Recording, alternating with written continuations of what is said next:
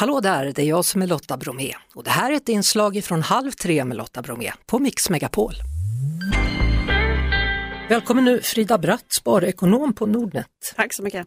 Jaha, är det spännande för dig som har ett sånt här jobb när dagarna ser ut så här eller blir du lika ledsen som alla vi andra?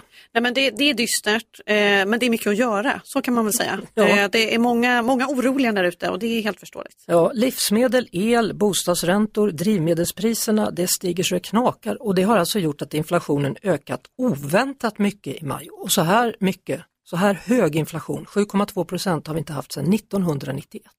Nej precis, och de som var med då kanske känner igen den här känslan men det är ju väldigt många som inte har varit med om att vi har haft den här ökningen. Alltså tendensen de senaste åren har ju snarare varit att vi har inte har haft någon inflation. Så det här är ju väldigt ovanlig sits för väldigt många. Mm, men vad är det som händer då? Det kostar flera hundra kronor mer. Det blir dyrare att tanka bilen eller att gå till ICA, Konsum och handla. Ja men precis, så tror jag de flesta har märkt när man har tankat bilen att det kostar väldigt mycket mer och när man handlar att en, en kasse med vanliga varor kostar väldigt mycket mer.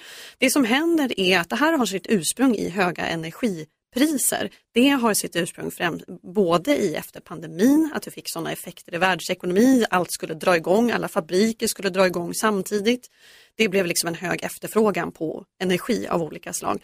Sen kom kriget, spädde på det här eftersom Ryssland och Ukraina är viktiga på energimarknaden. Så att det är flera faktorer som har gjort att det ser ut så här och sen har det spridit sig. Höga energipriser gör det dyrare att producera varor och livsmedel. Så att man kan väl säga att de här höga energipriserna har spridit sig ut till andra sektorer. Mm. Men om du blickar framåt då i din speciella kikare, kommer det bli värre? Det hoppas vi ju inte utan vi hoppas att det finns sånt som gör att det här kommer att falla tillbaka. Det skulle ju exemp- exempelvis är det ju så att vi är ju inne i en varmare säsong så efterfrågan på att värma upp sitt hus exempelvis, men den är ju inte lika hög nu så att vi skulle kunna se att elpriserna faller tillbaka av det skälet.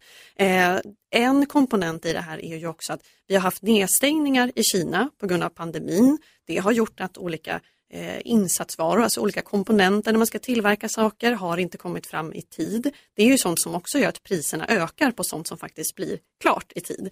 Men öppnar man upp det här, att vi får de här att nedstängningarna inte finns längre, men då skulle det ju här kunna lätta lite grann. Men det är ju svårt att säga och det är därför som Riksbanken planerar för räntehöjningar. Ja, och hur nojig ska man vara över det då om man sitter med ett bostadslån?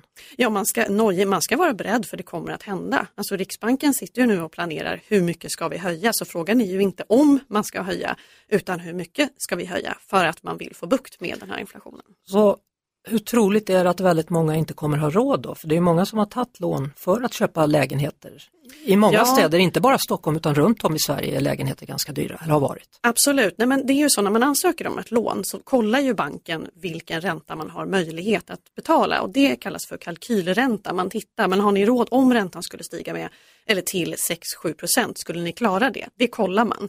Så det har ju alla som har fått bolån har testats eh, till, kring det scenariot. Så att de flesta kommer att ha möjlighet att betala sina bolåneräntor men vi kommer att hålla hårdare i plånboken när det gäller annan konsumtion. Alltså vi drar in på saker som, inte, som vi inte anser är helt nödvändiga. Helt enkelt. Och då, det betyder att det blir ännu svårare för yngre människor att komma in på bostadsmarknaden då? Ja, inte säkert därför att det här skulle ju kunna bidra faktiskt till att bostadspriserna faller lite grann. Det är ju det som det pratas om nu, alltså kommer vi få en liten nedgång i bostadspriserna eftersom eh, ett, högre räntor gör att det blir dyrare att bo. Man vill inte gå lika långt i en budgivning exempelvis och då skulle ju bostadspriserna kunna falla och det skulle ju faktiskt mitt i allt kunna göra det lite enklare för de som står utanför bostadsmarknaden att ta sig in. Om man nu är orolig för sin privatekonomi, vad kan man göra? Nej, men jag tror att det bästa är att bara vara beredd på att det här händer just nu. Det är en dubbelsmäll känns det som för de allra flesta eftersom vi får dyr, högre priser på sånt som vi måste konsumera. Det vill säga mat, drivmedel eh, och så vidare. Och sen så stiger boräntorna på det här. Så att det är ju en jättetuff situation. Jag tror man måste vara beredd på och medveten om att det händer och sen kanske räkna på vad kommer det här innebära för mina boendekostnader framförallt. Och försöka sitta still i båten då och inte bli överraskad. Inte bli överraskad utan vara beredd på att det händer. Vi hörs såklart igen på Mix Megapol varje eftermiddag vid halv tre. Ett poddtips från Podplay. I podden Något Kaiko garanterar östgötarna Brutti och jag, Davva, dig en stor dos skratt. Där följer jag pladask för köttätandet igen. Man är lite som en jävla vampyr. Man har fått lite blodsmak och då måste man ha mer. Udda spaningar, fängslande anekdoter och en och annan arg rant.